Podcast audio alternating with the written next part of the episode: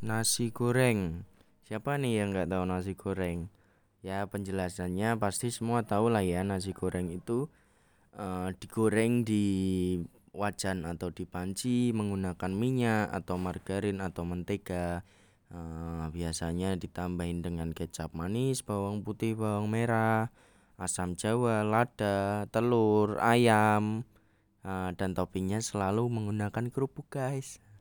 Nasi goreng pun banyak macamnya. Ada nasi goreng Jawa nasi goreng Betawi mungkin. Nah, nasi goreng ini sangat dikenal dengan masakan nasional Indonesia. Dari sekian banyak hidangan dalam kasanah masakan Indonesia hanya sedikit yang dapat dianggap sebagaimana makanan nasional sejati.